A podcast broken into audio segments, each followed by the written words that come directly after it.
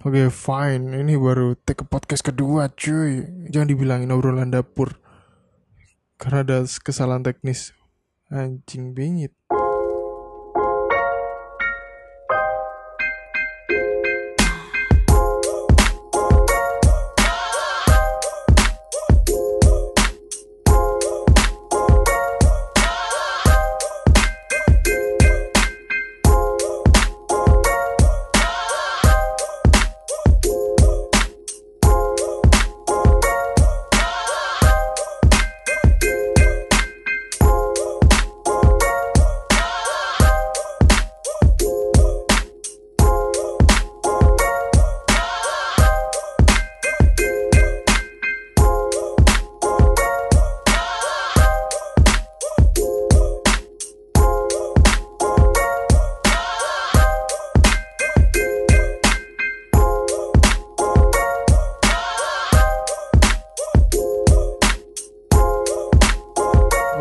Welcome back to the welcome back to damn pod.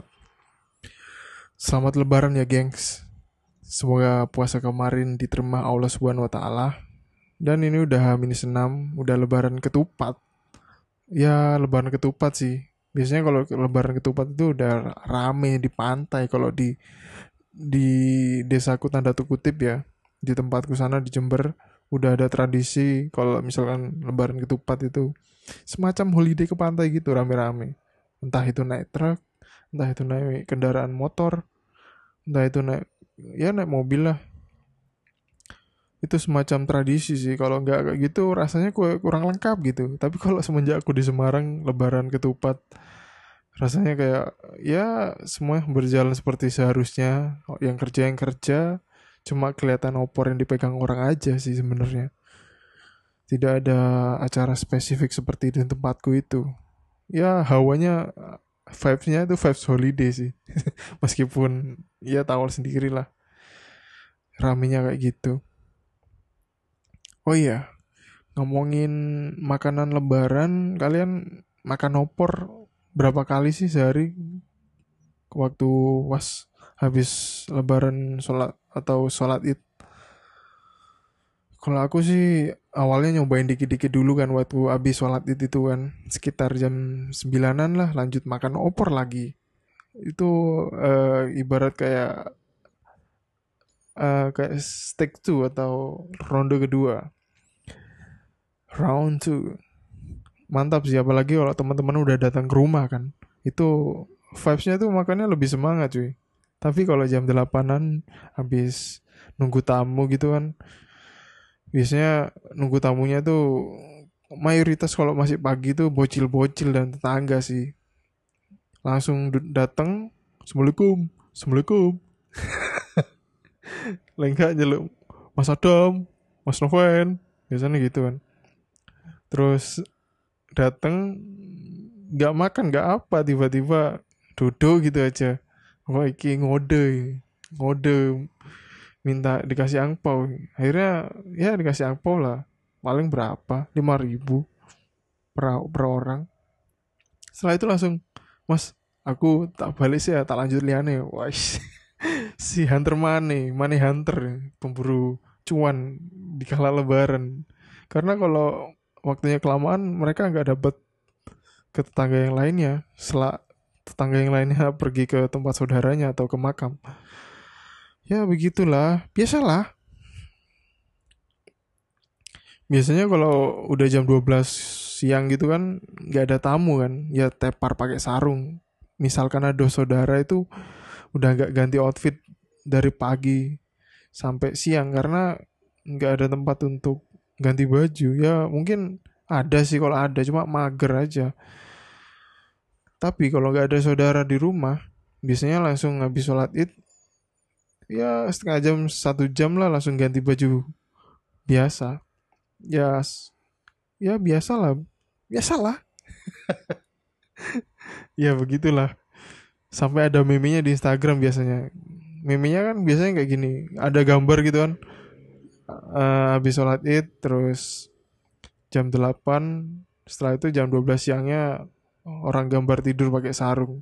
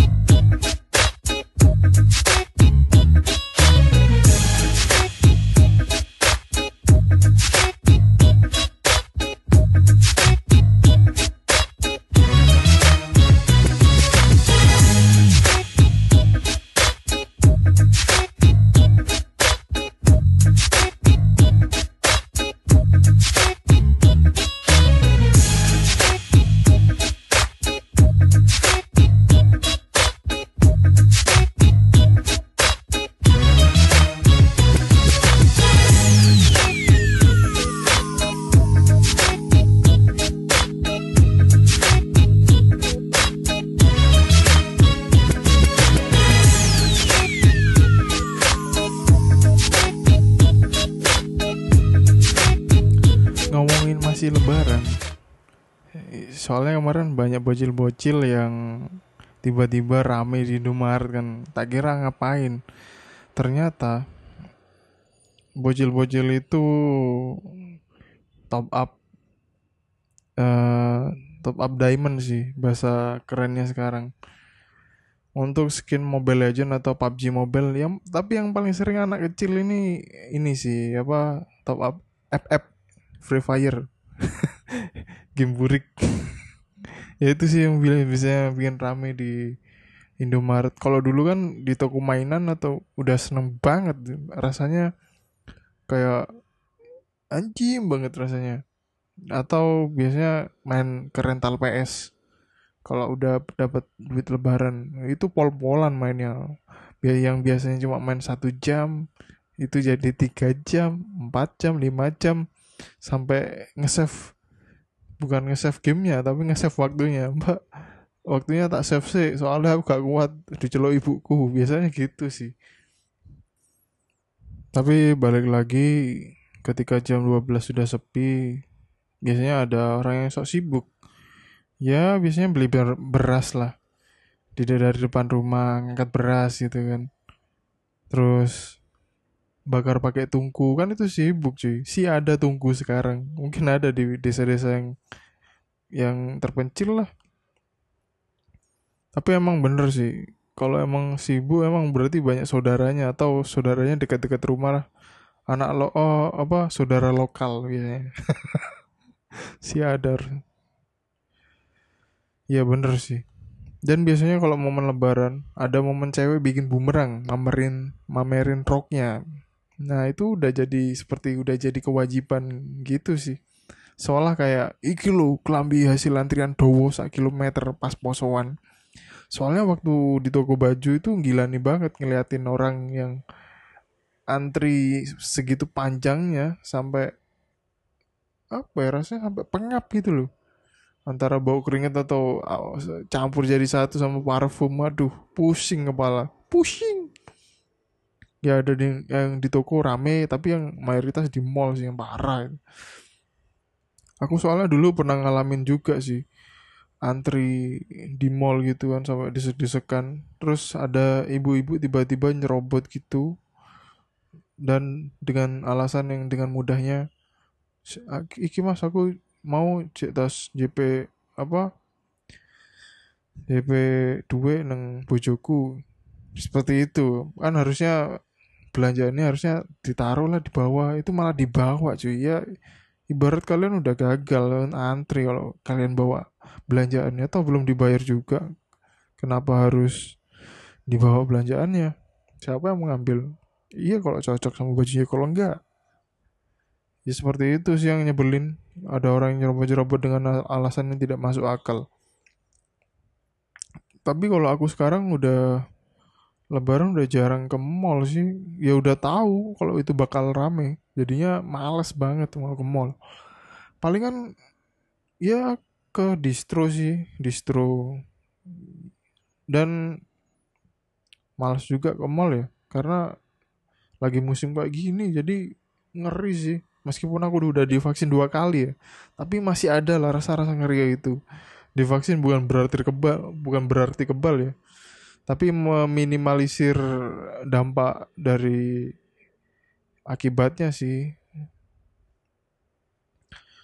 Nah, lanjut lagi, aku biasanya langsung ke ini sih, ke mana? Ke distro gitu kan.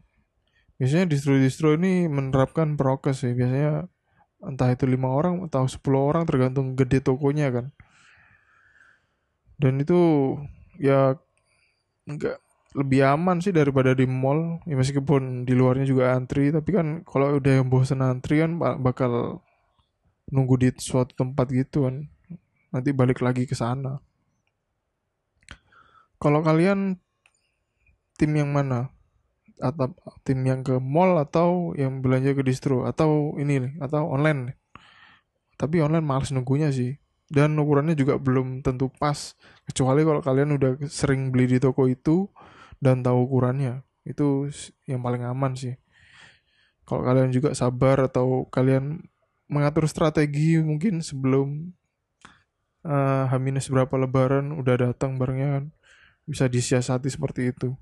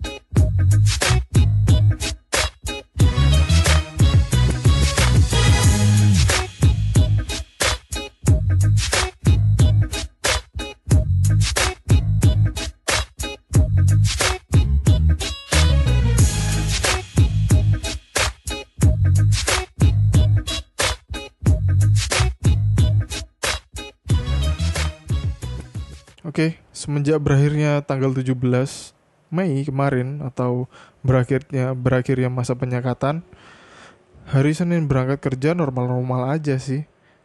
Rame seperti biasanya dan ketemu temen dan cerita kalau dia itu habis mudik, bilangnya sih gitu. Terus bilang gini, aku ingin mudik sih di Jawa Timur. Cuma pas nang tol medium nolak polisi. Nah, pas nolak polisi, aku dari sana aku udah nyampe kalau dia udah pakai kendaraan pribadi ya itu mobil ya. Kalau aku udah gak mungkin gak mungkin banget kan soalnya nggak ada kendaraan beroperasi di tanggal-tanggal itu kan. Ya impossible lah. Kalau kalian berani nyogo ya gak ada masalah sebenarnya. Atau numpang ke teman kalian. Tapi aku gak ada pikiran ke sana sih. Yang penting transportan lancar cuy. Terus dia cerita katanya dia di, di apa di stop dulu ditanyain ada surat tugas atau surat antigen. Kebetulan dia udah kebetulan dia udah uh, apa udah menyiasati antigen dari Semarang sih. Jadinya dia cuma nunjukin aja setelah itu suruh jalan. Tapi kalau kalian belum punya surat antigen kalian bakal di antigen di tempat di lokasi sana bakal bayar 200 ribu. Karena kalau antigen sendiri kira-kira 100 ribuan lah ya. Nggak semahal itu. Ya kalau the power of kepepet ya pasti bayar 200 ribu. Daripada balik lagi kan capek cuy. Cuma setelah dipikir-pikir tetangga di rumah bakal negatif thinking juga dengan kehadiran kita. Kalau misal kita mudik ya meskipun udah dua kali vaksin kan belum tentu juga ya kan? Belum tentu kita kebal juga. Ya itu sih yang aku pikirin juga. Mungkin tetangga juga bakal insecure insecure juga sih kedatangan kita. Atau ya kita kan nggak tahu pikiran orang juga sih. Oh iya selama libur lebaran kemarin kalian ngapain aja sih apakah bermager ya atau bermain entah ke mall atau ke rumah temen? Atau ke tempat wisata? Tapi tempat wisata tutup sih gak mungkin gak mungkin. Kecuali wisata yang receh-receh masih buka lah. Misalkan kayak ke Umbul Sidomukti masih buka. Cuma wisata-wisata kayak yang gede-gede itu semacam apa ya sama kampung semilir itu bakal tutup itu nggak ada harapan kalian Sumpah aku kemarin bermager banget sih. Pas libur panjang long weekend itu bukan long weekend emang liburan weekend itu emang full. Ya full bukan akhir bul bukan akhir tapi semua hari all days all days. Jadi kegiatannya kemarin palingan ngepel teras rumah main game ya atau keluar cari makan itu lebaran ya pas lebaran kalau puasaan nyari makannya malam cuy. Ya kegiatan malamnya palingan nonton Netflix sampai sahur biasanya kan kalau itu pas lagi puasa. Tapi itu kegiatan itu masih berlanjut ketika aku udah lebaran. Kebiasaan itu masih berlanjut dan itu parah sih. Tidurnya jam 3 ya itu sih yang parah. Masih belum hilang sampai sekarang untungnya pas kemarin hari Senin aku nggak lupa masang alarm jadinya tetap bangun jam 7 pagi sih. Jadinya wah kacau sih kalau nggak misalkan nggak ngidupin alarm pasti aku pasti bangunnya jam 10-an lah. Itu udah nggak make sense sih terlalu jauh dari jam kerja soalnya tapi kalau pas lagi liburan kemarin itu emang nurul soalnya di kos. Jadinya nggak masalah sih bangun jam 10 jam 11 ya gak ada yang ngatur nurul siapa yang mau ngatur? Tapi anehnya kebiasaan itu udah terselesaikan.